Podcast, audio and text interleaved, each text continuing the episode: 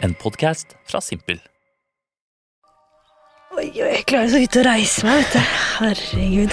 Det er gravidlyd nummer én. Oi, oi, oi. Oi, ja, det hjelper å stønne litt, da. Ja, det gjør det. Ja.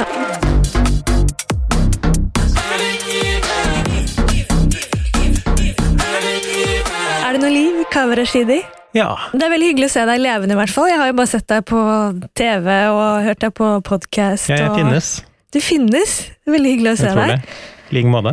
Og veldig glad at jeg har en lege i studio her i dag, for jeg har termin om tre uker. Ja. Så da kan det skje når som helst, har jeg hørt. Tenk om vannet går. Jeg håper at du har kontroll på hva du skal gjøre da. Jeg har ganske kontroll. Jeg har tatt imot unger før, men jeg er også sammen med en jordmor, da. Ja. Som har det som liksom levebrødet sitt. Men du har tatt imot, hvert fall, eller vært på to fødsler, i hvert fall, for du har, vært, du har to barn. Ja. Og du var med på begge fødslene. Var med på begge fødslene. Like grusomt hver gang. Og da snakker jeg bare fra mitt stakkarslige perspektiv som mann. At du føler deg ubrukelig. Man føler seg ubrukelig, og så mister man kontroll. Jeg liker veldig godt å ha kontroll i situasjoner. Mm. Men akkurat under fødsel, uansett hvor godt forberedt man er, så kommer det et sånt øyeblikk hvor det bare er sånn Hva er det som skjer her, liksom? Og så har man jo vært med på det, jeg jeg har jo vært med på det mange ganger, sett masse fødsler. Så er det din egen, din egen unge, Ja. og da blir det plutselig veldig ekte og surrealistisk og bare en eksplosjon av følelser. For du ble far under covid, hvis jeg forstår riktig? Mm. Med begge to? Første. Så pandemibarn var sånn kasta ut av sykehuset med en gang, basically. Samtidig så er det jo ikke så mye annet som skjer, så det er kanskje fin tid å få barn på, egentlig. Ja, det var ingen FOMO, for det var ingen som gjorde noe. Nei. Um, og det var veldig deilig å ha påtvunget hjemmekontor. Jeg angrer meg litt at ikke jeg bare ble gravid da, egentlig. Den eneste gruppen som kom godt ut av å være, ha en pandemi, småbarnsforeldre som bare trengte litt ro og stillhet. Ja. Men jeg skjønte at det var ikke, det var ikke like lett å, å bli gravid. Du har vært litt åpen om at det har vært eh, noen aborter, har jeg skjønt? Ja, mange aborter. Mista tellinga. Er det sant? Ja, ja, vi mista tellinga. Når man har abortert et par ganger, så blir man litt sånn Det er eh, normalen, nesten. Eh. Og så bare håper man at noe annet skal skje. Men vi måtte jo til slutt ha sånn prøverørsbefruktning, og da også hadde vi noen aborter. Men til slutt så satt to barn. Å, fy søren, det må ha vært tøft å være borte. Ja, det eneste positive med det var jo at siste gangen vi skulle prøve, da var det sånn dette her, siste gang, Mm. nå tar vi ut egg, og hvis det ikke går, så går det ikke. Da er vi fornøyd med ett barn. Og det var jo, vi var kjempeglade for å ha fått det første. Ja. Og den gangen så hadde vi full treff. Da var det fem unger i fryseren, eller sånn fem egg-embryoer, hva du skal kalle det. Mm. Første som ble satt tilbake igjen, ble en unge. Ja. Så nå også så har vi fire unger igjen i en fryser på Rikshospitalet, hvor de er sånn, ja, disse går ut på dato om noen år. ja da. Så bestemmer dere. Det er mulig dette her er litt sånn eh, voldsomt spørsmål, men jeg, jeg, synes, jeg er så nysgjerrig på det, fordi det er så forskjellig. Jeg har jo noen venninner som har abortert mye, og noen Mm. som det bare sitter på første forsøk, og alt er fint. Er det bare en myte, dette her med at kroppen på en måte kvitter seg med et barn, fordi at det barnet burde egentlig ikke eksistere, hvis du skjønner? Mange aborter er det. Mange Ja. aborter er at man ikke har utviklet organene riktig de første par ukene. Mm. Noe så enkelt som en enorm hjertefeil, som gjør at det ikke er noe sirkulasjon hos Mm. Andre aborter er bare uflaks. Ja. Bare tilfeldigheter. For det er mange tilfeldigheter som skal klaffe for at en unge skal bli til en unge. For noen så er det jo enkelt, men flere og flere blir jo gravide i litt mer voksen alder. Når du nærmer deg 35, så faller jo fertiliteten lynraskt. Absolutt. Det er jo litt sånn, alle får det jo til til slutt med masse hjelp fra Mm. medisin og sykehus og ting. Men det er mye lettere i 20-årene enn i 30-årene, og det er en litt sånn, det er en kjip ting å måtte innse, fordi man har jo lyst til å bruke 20-årene sine til å finne seg selv og få en utdanning og jobb og Ja, For kroppen er sikkert klar når du er 22, men hodet er jo ikke det. Nei. Så det er så synd at det er liksom, Vi har at 22 er liksom den optimale alder å få barn. da. Ja, og så er egentlig er hodet ikke klart? Det er jeg ikke sikker på. Jeg, Mm. jeg tror kanskje hodet er klart, men at man undervurderer seg selv litt. Grann. Ikke det samfunnet vi lever i i dag, vel? Du hadde blitt litt sånn frowned upon, sikkert. At det hadde vært sånn Oi, Mm. hun fikk barn som 22-åring, vi må lage en reality-serie om henne. Ja. Men tenk så fresh 35-åring du er da, med store barn, og du er bare ferdig med de greiene der, og kan på en måte fortsatt være ung og Det er sant. Det er mulig at det er mye bedre. Det var jo sånn man gjorde før. altså Bare Besteforeldrene mine giftet seg når de var 19 og fikk barn når de var 20. Det var helt normalt, det. Men sånn som faren min fikk jo barn, barn nummer to når han var 50. Mm. Man ser jo at det er litt tyngre for han. Ja, Det syns jeg er sjukt at menn gjør. Ja. Jeg hører så mange historier av menn som liksom Det blir slutt med kone igjen, da. Mm. Så går det noen år, og så blir de barna store, Mm. så finner de en yngre dame, så liksom starter de på nytt. Det Jeg, jeg hadde ikke orket. Jeg hadde heller ikke orket. Det er ikke alltid man har noe valg. Plutselig så kommer det barnet til verden, og da må man bare stille opp, da. sterilisering. Ja, jeg hadde kanskje gjort det. Men hadde du, du hadde stort ønske om å bli pappa. Ja. Hvorfor? Nei, si det. Um, noe av det er sikkert bare sånn en sånn indre ensomhetsfølelse i livet uten. Jeg syns livet føles litt sånn bare litt ensomt. Man vimser litt rundt, og så har man den jobben, og så har man de vennene, og så finner de på et eller annet. Så er man litt sånn Til syvende og sist så er man litt aleine uansett. Det syns jeg er litt trist. Mm. Hvis jeg ikke hadde hatt barn, så hadde jeg blitt 40, da. Og 50. Og så hadde alle sammen funnet sin, sin Mm. flokk. Så hadde jeg fortsatt bare vært en sånn fyr, creepy onkel. Ja. det er det som har vært mitt argument med å få barn også, at jeg er ikke helt klar for det nå, men tenk hvis jeg blir liksom, ja, 40-50, og det er ikke sånn at eh, vennene mine stiller opp på høytider, eller alltid sånn som de kanskje gjør nå, som er single, og Mm. vennene mine er familien min på mange måter. Og så er det noen som klarer den rollen kjempebra, klarer å være barnløse og nyte Mm. tilværelsen, men jeg tror ikke jeg hadde klart å slå meg til ro med det. Det er bare det. Føler du at det er meningen med livet? Det er meningen med mitt liv, fordi jeg har liksom tilegnet det mening. Mm. Eh, jeg tror ikke det er meningen til mange andre sine liv. Det er mange som har fått barn som med rette kan få lov til å angre og tenke sånn dette var et dårlig valg. Men det er lov å tenke sånn lite grann. Du er sjuk i huet hvis du ikke angrer på å få barn etter du har fått barn. Når du står der og de spyr på deg og er helt motbydelige og jævlige og du bare har lyst til å drepe dem. Ja. Og du tenker sånn hvorfor gjorde jeg dette? Og så får du en snap av kompisen din som er i Thailand og klatrer. Det kunne vært meg. Og så bare går du på Instagram og ser du fader, hva gjør du? Han andre kompisen er i Ecuador. Han har, han har blitt rik på poker. Fader. Det er så mye annet jeg kunne gjort enn Vi å vært spilte jo poker da vi var tenåringer sammen, det kunne vært meg. Mm. Og så lever man de tankene en dag eller to, og så finner man ut at nei, vet du hva, det er ikke så ille der heller. I'm Sandra, and I'm just the professional your small business was looking for. But you didn't hire me because you didn't use LinkedIn jobs. LinkedIn has professionals you can't find anywhere else, including those who aren't actively looking for a new job but might be open to the perfect role, like me. In a given month, over 70% of LinkedIn users don't visit other leading job sites. So if you're not looking on LinkedIn, you'll miss out on great candidates like Sandra. Start hiring professionals like a professional. Post your free job on linkedin.com/people today.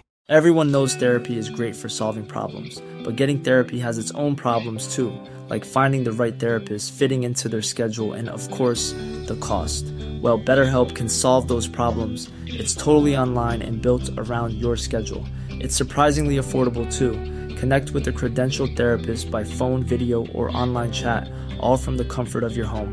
Visit betterhelp.com to learn more and save 10% on your first month. That's BetterHelp, H E L P.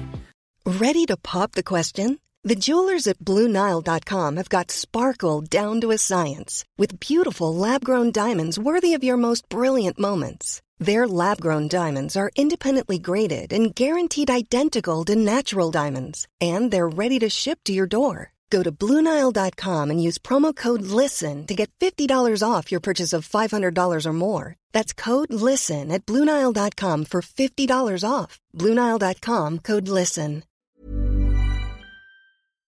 Men du har jo fått barn med en jordmor, så da var dere, dere var forberedt på alt, dere da?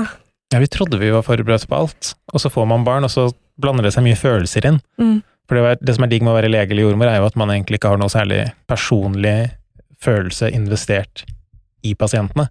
Så det blir en veldig sånn, selv om det er rørende at folk blir foreldre, men det blir en litt sånn mekanisk greie. Og så får vi vårt eget barn, og så sover han ikke hvis ikke vi har han hud mot hud, eksempel. Og til andre foreldre så er det veldig lett å si sånn ja ja, sånn er det, og prøv å sove når ungen sover, og ta litt tur, og ta vare på hverandre, og så går dette her over etter hvert. Og så når det er vårt barn, så er det sånn shit, hva er det som er galt? Har han vondt noe sted? Har han vondt i magen? Er det noe med maten han får? Hva er dette her for noe? Hva skal vi gjøre? Hvordan kan vi fikse det? Så du googler eh, noen ganger du òg? Ja, jeg googler kanskje ikke så mye, men jeg går mye sånn inn i medisinsk litteratur og prøver å finne årsaker til ting jeg ikke er på en måte fornøyd med. Mm. Det er vanskelig å bare senke skuldrene og være sånn ok, det er et barn, han sover i ræva, så får det være.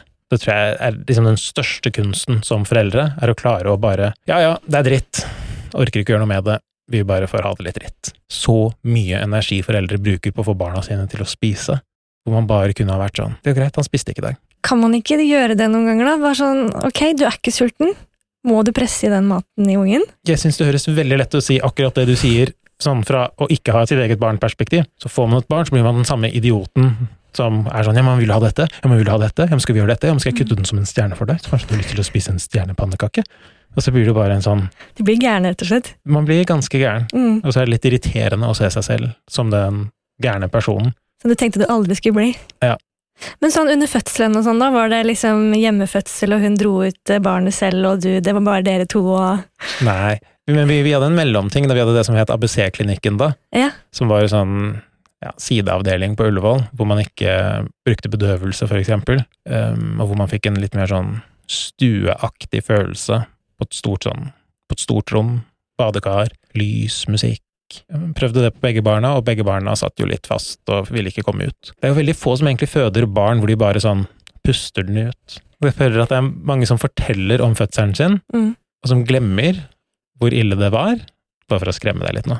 Ja, ja, du, det, jeg har fått masse skremselhistorier, så Men, men det er det fine, da. Man glemmer jo smerten. Man glemmer jo, altså, hadde man ikke glemt smerten, så hadde alle sammen vært enebarn. Mm. For det er ikke mulig rett etter at du har født og si at «Ah, jeg tror jeg skal gjøre dette her igjen. Det er sjeldent, ass. Det er ille der og da, og så etterpå så er det ikke så ille. Uff, ja. Men klarte dere å la andre gjøre jobben sin, på en måte, eller blir det sånn at dere lett blander dere da inn i fødselen, eksempel?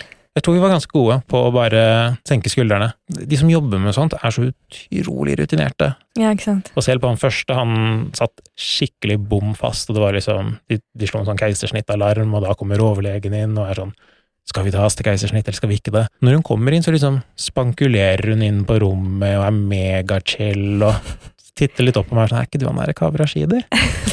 Så sånn Ok, vi, vi tror ungen vår holder på å dø nå, men du skal bare smalltalke litt. Men det perspektivet de har, er veldig digg. Det er bare sånn Det er, bare en unge som skal ut. De må visst ikke vise for dere at de har roa og har full kontroll, da. Ja. Men ble det haste keisersnitt, eller? Nei. Vanligvis da, så er det en sånn regel at når man begynner å dra ut ungen med en sugekopp, altså Mm. man kobler til et sånt vakuum til hodet, og så drar man. Er det da gjerne hodet blir sånn superavlangt? alien-hode? Jepp. Ja. Vi hadde en unge med alien-hode. Så drar man sånn Tommelfingerregelen er at du da drar to ganger. og Hvis du ikke har fått den ut på to drag, da gjør du det ikke mer, for det er for mye.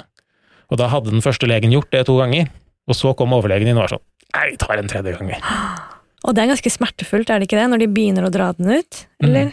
Ja, det hørtes smertefullt ut. Ja, det var, da var det mye lyder. Da var det mye lyder. Men den generelt, sånn typen siste halvtimen ish av en fødsel, eller den der delen man kaller utdrivningsfasen, da, Mm. det er liksom, det er primalskrik. For det er det jeg tenkte at det er det aller verste, er jo de der eh, når den skal gjennom, og den Mm. skal ut. Det er da man liksom Du ser på film at de skriker, og mannen svimer av, og alt er helt kaos. Mm. Men det er veldig mange som, som jeg kjenner som har født, som sier at det er riene som er verst. Når du Ah, ja. begynner å presse den ut, da er du liksom Da ser du målet så godt, da. Ja, og jeg kan jo bare snakke fra sånn hva jeg har sett, og ikke opplevd at all-perspektivet. Men jeg syns liksom det med rier, det virker som en slags forståelig smerte. Det er i hvert fall en smerte som er innenfor sånn menneskelige rammer. Ekstremt vondt, sikkert, men sånn, det er smerte. Men sånn der utrivningen, den virker litt sånn eksorsismeaktig ut. Det jeg virker helt sånn utenfor denne verdenen aktig vondt ut. Eh, Jeg vet man har gjort noen studier sånn for lenge siden, da man kunne gjøre veldig uetiske studier, hvor man har tatt kvinner som har hatt utrivning,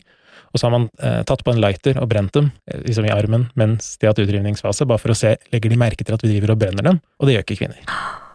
Oi, oi, oi. Så de kvinnene i den studien endte opp med andregradsforbrenninger fordi forskerne drev og brant dem. Ja, så fint. Hva tror du kan sammenlignes som menn kan oppleve som like sterk smerte, da? Det finnes ikke, ass. Sånn type spark i ballene, men det er ikke, det er ikke mulig, tror jeg, Nei. å klare å matche den, den smerten der. Du er ikke sånn mann som er sånn Ja, men jeg skulle godt tenkt meg å oppleve den fødsel. Jeg hadde vært barnløs hvis jeg skulle ha tatt de barna ut av egen kropp. Det virker så vanskelig, syns jeg. Både fødselen virker vanskelig, Mm. men også den graviditeten, å ha liksom et romvesen inni kroppen sin, Mm. og miste liksom Jeg syns også det er veldig vanskelig, å miste autonomien over kroppen sin. Mm. Sånn, du styrer ikke kroppen din lenger, det er et annet menneske som liksom som en blodigle tar av deg. Det er veldig rart. Rart, jeg syns det er helt sånn vilt at kvinner gidder og Gidder. klarer og orker. Ja, det tenker jeg også. Nå er jo jeg da på, på siste verset, holdt jeg på å si, og det er, det er tungt, altså. Og det er en sånn annen følelse, sånn Man går fra å være veldig sånn der eh, glødende og fin, og liksom magen begynner å vokse litt, og man begynner å synes det er stas, Mm. til at nå er det sånn Han sparker borti innvoller, og han tar jo alt næring og plass. Ja. Liksom, han er jo bare plagsom nå. Men du, har du noen tanker om sånn der generelt om det er en sånn feil mange foreldre gjør? Jeg tror mange foreldre burde lytte litt mer til seg selv, og ikke til hva alle andre sier. Når man blir veldig god på det på barn nummer to og tre, da slutter man å høre på alle andre. Men på unge én, og det ser jeg jo veldig mye på fastlegekontoret, da, alle er så redde for å gjøre alt feil, og så tror de at det finnes en sånn ytre oppskrift på hvordan ting skal gjøres. Hvordan er det ungen skal legges, hva slags mat er det ungen skal få, hva slags grøt er det ungen skal øh, lages Altså, absolutt alt virker for førstegangsforeldre å være en eller annen fasit. Det er ikke sånn det funker å være foreldre. Den riktige måten å gjøre det på er jo å bli kjent med ungen din, forstå hva behovene til akkurat dette helt spesifikke individet er, og så møter du de behovene. Mm. Men det er litt vanskelig, for man hører så mye fra så mange overalt som skal liksom gi deg velmenende gode råd om sånn Sånn og sånn burde du gjøre det, og hvis du gjør det, så blir det bedre. Å, hvis ungen din gjør det, da har han jo epilepsi, herregud, da er det jo kjempefarlig. Altså, du hører så mye. Jeg får sikkert ti tips om dagen og ting jeg skal gjøre og ikke gjøre. Og, og så er det jo sosiale medier som eh, med en gang så begynte jeg å få opp liksom sånne videoer om tips og ting du skal gjøre, og dette er farlig, og dette er farlig, og jeg blir litt gæren av det. Og så når jeg spør legen min nå, så har ikke han et sånn svart-hvitt svar på ting alltid. Og noen av rådene, det er det som er så ekstra vanskelig med det, noen av rådene er ekstremt viktige. Sånn, ungen din skal ikke legges på magen. Punktum. I 1988 så ga man det rådet, da. Begynn å legge ungen på ryggen istedenfor magen, og da halvertes antallet krybbedøde i Norge.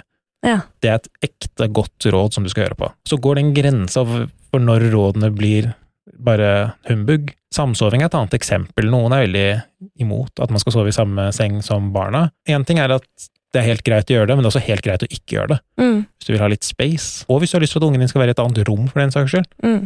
Kjør på. Ja, for det er veldig fokus på hva ungen trenger, men det er jo noen ganger litt sånn lite fokus på sånn, hvis ikke det funker for dere. Det er jo viktig med mors sin helse òg, tenker jeg. Ja, ja. Så tilbake til den der kardinaltabben foreldre gjør, å høre for mye på andre. Ja. Man burde liksom finne én til to personer, enten det er en helsesykepleier eller jordmor eller lege, som man stoler på. Og så må man også bare ta til takke med at veldig mange råd er diffuse, da. Det er ikke sånn at én ting skaper et vellykket, lykkelig, fantastisk barn, og det andre skaper et misfoster. Du trenger ikke å ha økologiske aprikosbiter med sviskemos, altså sånn. Det blir folk av de barna som får posegrøt også. Nei, Jeg skal prøve å ikke bli gæren, og jeg snakka mye om i den podkasten her også at jeg er redd for å bli gæren, og så er jeg redd for å bli veldig sånn døll mor. Du kommer til å bli begge deler. Du kommer til å bli gæren, og du kommer til å bli en døll mor. Nei, det er kanskje bare å embrace døllheten. Nå er det for seint. Nå har vi gått over til livet 2.0. Men jeg har sånn. alltid vært døll. Jeg er på en måte nærmest karakterisert av å være døll. Du er jo kjendislege og hele pakka. Det er ikke sånn, den, den legen du har mest tillit til, det er liksom ikke en fet fyr med masse tattiser. Du kunne fått på noen tattiser. Det hadde gjort liksom brandet ditt enda fetere. Jeg skal, jeg skal ta det opp med managementet om vi skal Ja, gjør det. Hva skulle tattisene hatt? Kan du ikke tatovere noen sånne legeformler eller noe? På armen?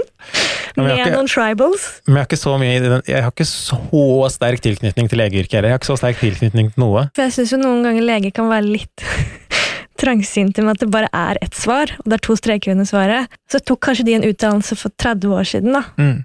Altså, det kan jo være at det har skjedd litt forandringer, og at man kan tenke litt mer alternativt på ting, og kanskje mye sitter i hodet. Er du åpen for sånne ting?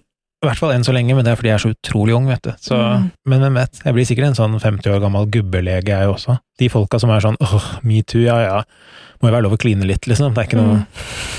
De var jo også på et tidspunkt unge i sin variant woke, og gjorde opprør mot sin foreldregenerasjon. Ja, ikke sant? Og en dag kommer vi to til å sitte og prate om at sånn åh, de der 30-åringene, fy fader. Jeg har jo sånn allerede på 20-åringene.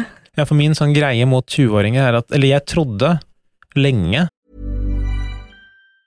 Mom deserves the best, and there's no better place to shop for Mother's Day than Whole Foods Market. They're your destination for unbeatable savings, from premium gifts to show-stopping flowers and irresistible desserts. Start by saving 33% with Prime on all body care and candles. Then get a 15-stem bunch of tulips for just $9.99 each with Prime. Round out Mom's menu with festive rosé, irresistible berry chantilly cake, and more special treats. Come celebrate Mother's Day at Whole Foods Market. Mother's Day is around the corner. Find the perfect gift for the mom in your life with a stunning piece of jewelry from Blue Nile. From timeless pearls to dazzling gemstones, Blue Nile has something she'll adore. Need it fast? Most items can ship overnight. Plus, enjoy guaranteed free shipping and returns. Don't miss our special Mother's Day deals. Save big on the season's most beautiful trends. For a limited time, get up to 50% off by going to BlueNile.com. That's BlueNile.com. One size fits all seemed like a good idea for clothes Nice dress. Uh, it's a it's a t-shirt. until you tried it on.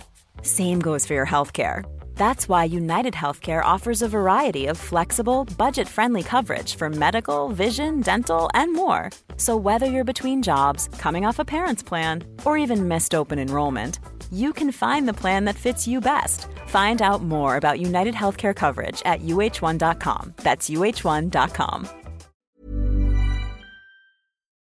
at neste generasjon etter min kommer til å løse veldig mye problemer. Mm. At sånn, åh, de kommer til å, Min generasjon begynte så vidt liksom å stemme litt på MDG og bry seg. Neste generasjon kommer til å være skikkelig flinke på alle de tingene. Men jeg er mest skuffa for de yngre, fordi de har gått helt andre veien. Alle menn har blitt sånn Andrew Tate-typer.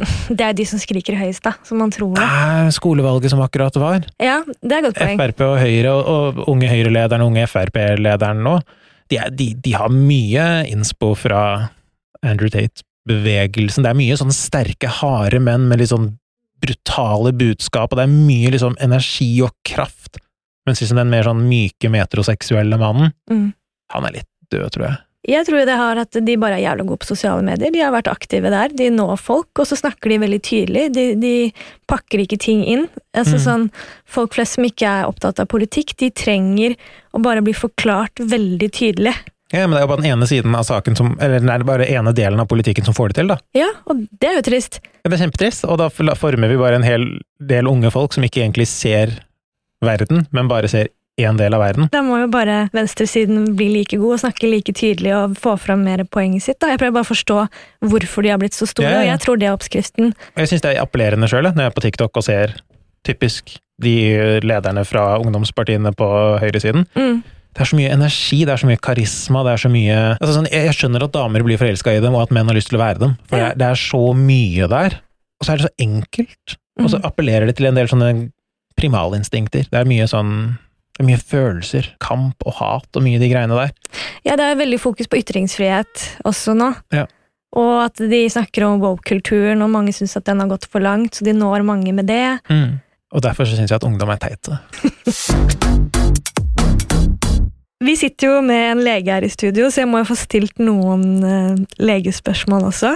Jeg har en sånn Snapchat-gruppe med noen venninner som har barn, så jeg måtte liksom spørre de om de også hadde noen Ja, ja, Så det, det har blitt litt spørsmål her, så må dessverre, du må dessverre svare litt kort, da. Du Ja. kan sikkert sånn Jeg skal være kort. Mange har jo lurt på da at sånn, disse vaksinene som vi tar på baby etter seks uker, er det vel? Mm. Sikkert konspirasjonsteorier, men om man, det kan føre til andre sykdommer.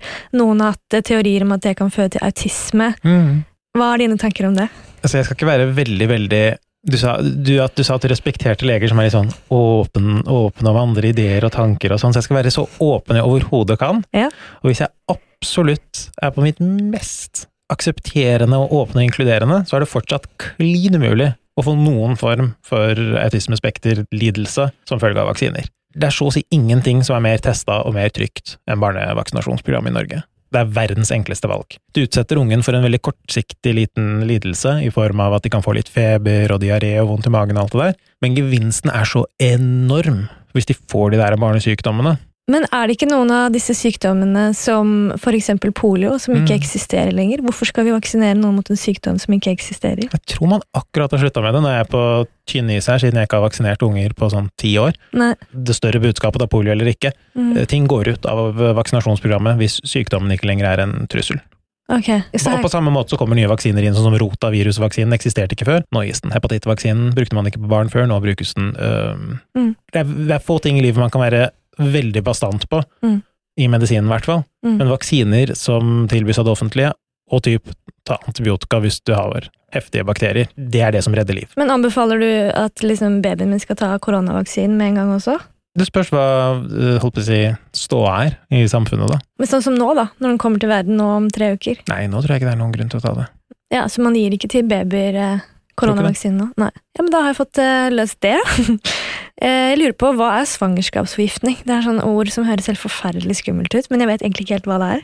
Det, det er forferdelig skummelt. Eh, Det er en sykdom som kan oppstå i, gjerne mot slutten av svangerskapet, eller i hvert fall de siste tre delen, som har to helt sånn karakteristiske funn. Det er eh, høyt blodtrykk, og så har man proteiner i urinen. Det er derfor du går til en eller annen hver fjerde uke og hyppigere på slutten og sjekker blodtrykk og urin. Ja, det er derfor jeg gjør det. Det er faktisk en av de vanligste årsakene, selv i Norge, hvor nesten ingen barn eller mødre dør, så er dette en av de vanligste årsakene til at det kan gå feil når det går feil. Mm. Superkort forklart så er det ingen som egentlig vet akkurat hva det er, men det fører til at ungen ikke har det bra, og mor kan også få noen voldsomme krampetilstander og bli skikkelig syk. Det her er veldig kanskje sånn vanskelig spørsmål å svare på, men ligger det latent hos noen å bli fødselsdeprimerte? Vi har en ulik sårbarhet vi er født med da, for mm. fødselsdepresjoner. Som for eksempel, hvis moren din hadde en fødselsdepresjon, så er det større sjanse for at du kommer til å ha det. Ja, det er det. Men veldig, veldig, veldig mye av en fødselsdepresjon er også miljø. Hvis du har fine folk rundt deg, støttende folk, og bare noe så enkelt som at du føler mestring og kontroll i starten, det er veldig mye sånn praktiske ting man kan gjøre for å få ned sjansene for å få en eh, barseldepresjon, da. Når det er skikkelig ille, så er det nok oftest at man er litt aleine i det. At man Ja. ikke har en slags flokk eller mennesker som tar vare på deg. Ingen som ser deg, liksom. Du bare blir sendt hjem fra sykehuset, og så skal du liksom dilte litt rundt, og føler ikke noe connection til barnet, og føler ikke noe mestring, og Ja, for det er jo litt lite oppfølging av mor. Det er jo ofte barnet som får mest oppfølging. Så jeg vet ikke om det er alltid sånn vanskelig for, for Helse-Norge, holdt jeg på å si, å se om du er fødselsdeprimert, og vanskelig for kvinner å vite om de er det. mm. Eller du, skjønner jo at du er deprimert, men du skjønner ikke at det kommer fra en fødsel, da. Ja, men du skjønner ikke nødvendigvis at du er deprimert i det hele tatt. Det, det er jo nesten første steg i behandlingen, å skjønne at sånn Oi, dette her er en barselsdepresjon jeg har. Barseltårer er jo nesten uunngåelig, og det er også veldig, veldig sterke følelser. Eh, Men å skille mellom det og de der ordentlige depresjonsfølelsene, det er tøft. Det er Mm. vanskelig. Tror du at hvis det var menn som fødet, at ting hadde vært sett annerledes ut? Ja, ja, selvfølgelig hadde det det. Da hadde det vært megachill å føde, tror jeg. Det er ikke ironisk, jeg tror det hadde vært mye diggere. Det hadde ikke vært sånn som du kanskje dessverre kommer til å måtte oppleve, at å, jeg trenger bedøvelse. Ja, men den ene personen som vi har ansatt til å gi bedøvelse på denne avdelingen, er opptatt med noe annet. Kommer Mm. kanskje om en halvtime, time. Eller at når du er ferdig med å ha født, og er sånn ok, nå blør du masse fra underlivet, du skal gjøre et eller annet med brystene dine som du ikke vet om, og den ungen her lager veldig mange lyder du ikke vet om, men du har vært der i halvannen dag, så du må nesten hjem. Ja. Jeg tror hvis menn hadde styrt fødsler for seg selv, Mm. sånn man som alt annet som er mannsdominert, sånn som ereksjonssvikt for eksempel, Mm. hatt 100 løsninger på problemet. Et enkelt eksempel på det, sånn type eh, hvis man sliter med å ha sex. Mm. Menn som sliter med å ha sex, har masse medisiner og behandling. Kvinner som sliter med å ha sex, så å si ingenting. Ja, det er jo sjukt. Og det er jo samme litt sånn med p-piller også, så man har jo prøvd å lage prevensjonsmidler for menn som ikke er kondom, da. Mm. Og da er det jo sånn, men det er fare for bivirkninger. Så er det sånn, no shit, jeg har hatt bivirkninger siden jeg var 16. Selvfølgelig Mm. er det bivirkninger med, med sånne ting. Ja, ja. Pluss man bare aksepterer jo, bare fordi det er sånn det er, at det er kvinnens ansvar, Mm. når det i realiteten er 50-50, bare fordi menn veldig ofte trekker det lengste strået i helserelaterte ting. Altså, det har jo vært et veldig, veldig, veldig mannsdominert samfunn for alltid, Mm. mens nå begynner man så vidt å liksom få litt likestilling inn i samfunnet. Og det tar lang tid fra det til fødsler også blir like bra, uansett hvilket kjønn som hadde født, hvis du skjønner hva jeg mener. Mm. Eh, Jeg tenkte på også sånn der med sex etter fødsel. Når, eh, når kan mannen begynne å kreve, holdt jeg på å si? Man skal aldri kreve å ha sex, men Hvorfor tenker du at det er mannen som skal kreve? Eh, Det, ja, det er et godt spørsmål. Sikkert bare fordi at jeg har eh, mest erfaring med å snakke med mine venninner, som sier at det er så sårt og vondt, og det er du vil heller kysse babyen din enn mannen din en periode, fordi du er Ja. så forelska i det barnet. Så det mange, de fleste sier at det å ha sex første gang etter fødsel er nesten like vondt som å føde. Ja, og det er jo mye greier der. For det første sikkert fødselsskader, og så er det mye hormonelle ting. Ammer man, så også produserer man ekstra mye av noen hormoner som gjør det veldig tørt. Det er en ny opplevelse, tror jeg, for mange kvinner som har samleie for første gang. Man må, man må bare ikke tenke på sex, tror jeg, sånn som man gjorde før. Det er ikke sånn, du går ikke rett tilbake på hesten og fortsetter der du slapp. Samtidig som du veit at det er en person tre meter unna som når som helst kan begynne å skrike og gråte, og også ville ta på puppene dine. Men jeg tror ikke man skal tenke på det som at sånn én vil ha det, og én ikke vil ha det. Nei, nei, det er jeg Man er jo et enig team, begge har jo lyst på et godt sexliv, men det er ikke bare overgripere som liksom har lyst til å I mitt forhold nå så har det jo vært perioder hvor da mannen ikke vil ha sex, og det har vært helt sånn sjokkerende. Sånn, hæ? Da er han enten utro, eller det er noe galt med meg, Ja, ja. eller ikke sant. Istedenfor bare sånn Du, jeg bare er i en periode hvor det er eh, masse stress og andre ting å tenke på, så jeg er ikke klar for dette her hele Men den har også følelser. Er ikke det rart? Det er veldig rart. Vi er ikke bare en penis. Helt sykt. Ja, jeg har sett på dere som det hele tiden. Ja, ja. Og vi har sett på dere som pupper og rumpe. og Sånn. Ja. Først skal du amme ungen din, som liksom er mat og næring til han, og så skal du ha sex med partneren din, hvor han skal ta på puppene dine som noe seksuelt. Ja, og så spruter det litt melk mens man holder på, og så er det sånn oi, hva er dette for noe? Det siste spørsmålet her, det handler litt om sånn kolikk. Det er også sånn jeg bare har hørt om, men egentlig ikke helt vet uh, hva er. Jeg skjønner bare at da kan du risikere at ungen din skriker non stop i hvert fall tre-fire måneder. Ja.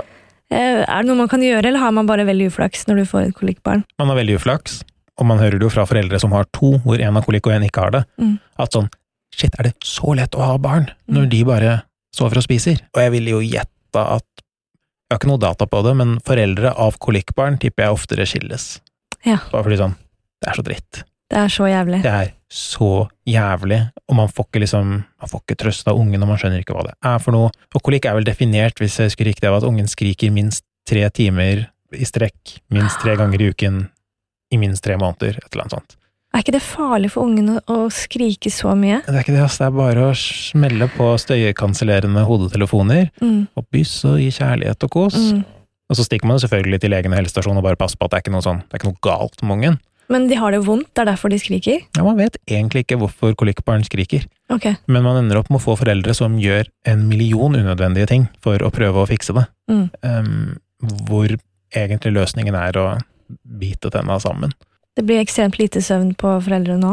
Ja, kolikk gir lite søvn. Men jeg så en eller annen studie på hvor lite søvn førstegangsforeldre får generelt, og det er veldig mange hundre timer i søvnunderskudd i løpet av første året med barn. Men jeg har ja, på TikTok igjen, da, lest, eller holdt jeg på å si Ja. Jeg har lest, men jeg har sett på Mine TikTok. studier versus din TikTok. ja. Hør nå her, jeg har sett på TikTok. Ja. Nei da, men at, eh, at lite søvn over lang tid kan gjøre oss syke. Eller i Ja, hvert ja, fall sånn, gjør at vi kan dø fortere, i hvert fall. Absolutt. Det er sant. Det er sant. Så det er farlig å få barn. Ja, lever man kortere hvis man får barn? Det er et godt spørsmål. Um, jeg tror gevinsten av å ha barn utveier den søvnulempen. Jeg, jeg har hørt om kvinner som har tatt sykemelding fra permen sin. Ja, det er ikke uvanlig det, og så får far eh, ta den permisjonstiden. ja. For meg høres jo det helt sjukt ut, men det er jo Ja, jeg forstår det jo også. Til slutt så har jeg lyst til å Jeg har laget en liten spalte som jeg valgte å kalle Sannhet eller myte med Kave.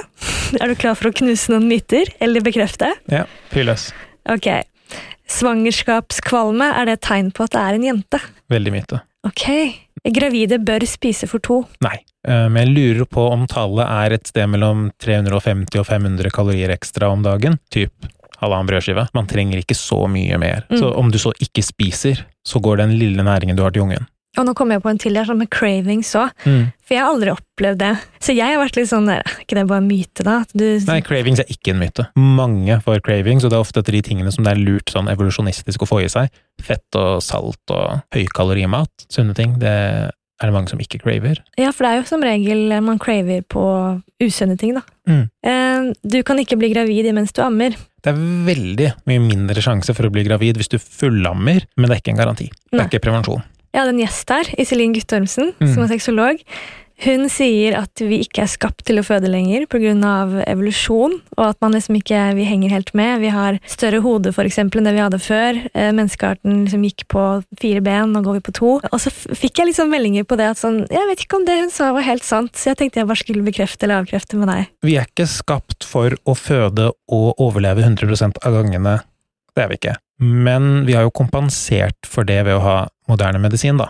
Eh, Hvis du ser eksempel i utviklingsland i Afrika, hvor man ikke har tilgang til moderne helsehjelp, der dør mødre veldig ofte, men der blir de også gravide såpass ofte. Det går opp i opp, og så overlever arten. Mm. Det er på en måte kanskje den evolusjonistiske måten vi skal overleve på. Få veldig mange barn, Mm. og så har du mye svinn, rett og slett. Mange mødre og mange barn som skal dø på veien. Det er jo ikke så lenge man bare klarte å ta hurtig keisersnitt, for eksempel. De som må det nå, da tar man en keisersnitt, og så ordner det seg, men før da døde jo kanskje kvinnene, eller skjærte de ut barna, og én måtte dø. Ja, mødre- og barnedødeligheten har stupt. Mm. Bare for sånn 30-40 år siden så var det ganske vanlig for Mm. både mor og barn å dø. Nå er det veldig, veldig sjeldent. Man kan drikke alkohol samtidig som man ammer. Det er liksom ny forskning på nå. Mm. Er det trygt? Ja, hvis du tenker på om barnet får i seg alkohol, så er det helt trygt. Altså sånn, fra du drikker alkoholen til den går inn i blodet ditt, og så Mm. vannes ut av melka, så er det ikke noen mulighet for at du ruser ungen din. Men hvis du for eksempel skal sove sammen med barnet, så skal du ikke ha alkohol i blodet. De krever så mye oppmerksomhet at man er skarp. Mm. Så drikke og amme, ikke noe problem, men det er kanskje lurt å ha noen som ikke har drukket. Ja da, den, den ser jeg jo. Og jeg, jeg pleier ikke å sitte og drikke vin aleine uansett. Men jeg må innrømme at jeg, nå har jeg vært eh, edru i åtte måneder. Mm. åtte og en halv måned. Så jeg gleder meg bare til å liksom få tatt et glass Prosecco, da. Ja, ja, ja. Men sånn drikking er meg. helt uproblematisk. Ja. Babyen får ikke i seg alkohol, nei. Nei. Det er en veldig fin liten sånn femminutters video på det som eh, alltid anbefaler kvinner å se når de spør om det, og det er fra Folkeopplysningen, den eh, NRK-serien til Andreas Wahl. Eh, Om så- dette her? Ja, hvis du bare søker på amming og alkohol, Ja. så får du sånn verdens korteste og enkleste og beste forklaring på hvorfor de tingene funker fint sammen, Mm. men hvorfor man likevel kan være forsiktig i noen settinger, da. Ja, men Det skal jeg sjekke ut. Kan man se hvilket skjønn det er på formen på magen? Nei. Nei. Amming gir hengepupper. Det gjør ikke det, faktisk. Ikke? Nei, um, hengepuppene er ikke på grunn av eh, ammingen, det er av hormonelle endringer. Ok, Så man Sammen får med- hengepupper etter man får barn? Ja, det er mye som begynner å henge etter at man får barn. Ja. Um, det er et hormon for eksempel som heter relaksin, som gjør at bekkenet ditt, som egentlig er veldig stivt og hardt skjelett, løsner opp, og det er ganske digg siden du skal føde, men det gjør også at rumpemusklene dine slapper av og kanskje ikke klarer å stramme seg like godt etterpå. Så jeg får enda slappere rumpe? I, i sånn snitt så får kvinner slappere rumpe etter å ha født, ja, nei, på grunn av hormonet relaksin. Siste her, tror du man blir lykkeligere av å få barn? Nei, det gjør man ikke. Det finnes jo forskning på det. Ingen er mer ulykkelige enn småbarnsforeldre, og ved siden av pensjonister så er det ingen som har mindre sex heller enn småbarnsforeldre. Åh, nydelig. Men folk med barn sier at de opplever mer mening i livet, Ok, og det er da noe. Så man, blir man lykkeligere da av å ikke få barn òg, eller er det bare at det ikke er noe forskjell på de som har barn og ikke har barn? Jeg tror, jeg tror det handler mer om deg enn det handler om omgivelsene, sånn med mindre du har det helt jævlig. Mm. Men i Norge hvor veldig fleste har mat og et sted å bo, så tror jeg ikke de der ytre tingene på sikt egentlig betyr så mye for lykken din. Og, og jeg syns veldig ofte, da, sånn fra egen, egen livserfaring, at folk som er veldig sånn miserable og kjipe, får barn, og så bare blir de enda mer miserable og kjipe, mens folk som er veldig sånn glade av natur, er superglade foreldre også. Ja, det er et godt poeng. Nei, men det er fint. Jeg, jeg har lært så mye, og takk for at du har svart på så mange myter og spørsmål og alt jeg lurer på. Bare Du har vært på jobb, jeg føler jeg må fakturere deg. men har du noen sånn siste råd til meg før jeg skal i ilden om tre uker? Jeg syns jeg har sagt veldig mye sånn negativt i den podkasten her, jeg. At jeg liksom har skremt deg. Um, mitt siste råd er prøv å sette pris på akkurat den delen av livet du er i akkurat nå. Nå er du superhøygravid. Det høres kjempeteit ut at jeg sier det, men du kommer til å savne det. Tror du det? 100% Du kommer garantert til å se tilbake på livet og tenke at fader, de ukene der hvor jeg bare var høygravid, åh, jeg skulle ønske jeg hadde det tilbake igjen. Og så kommer du til å få en unge nå, da, og så kommer du til å hate livet.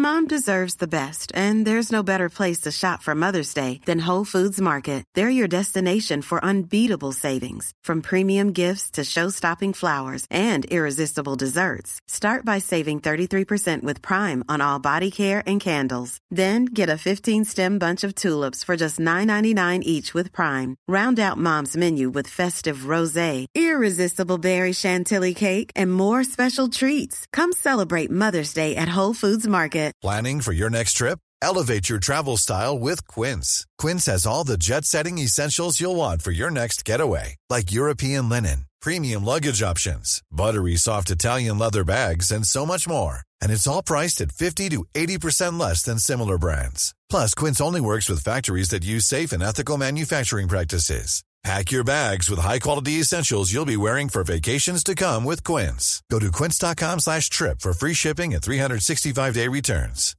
Mom deserves the best, and there's no better place to shop for Mother's Day than Whole Foods Market. They're your destination for unbeatable savings, from premium gifts to show-stopping flowers and irresistible desserts. Start by saving 33% with Prime on all body care and candles. Then get a 15-stem bunch of tulips for just $9.99 each with Prime. Round out Mom's menu with festive rosé, irresistible berry chantilly cake, and more special treats. Come celebrate Mother's Day at Whole Foods Market.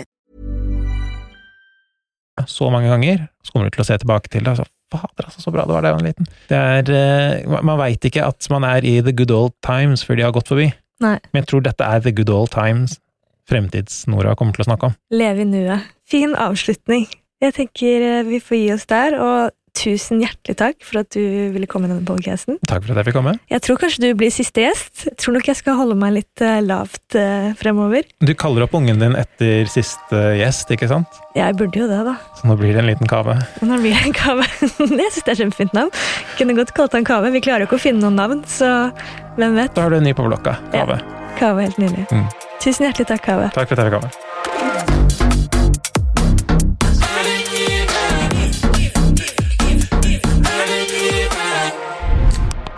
Du har akkurat hørt på en podkast fra Simpel. Takka!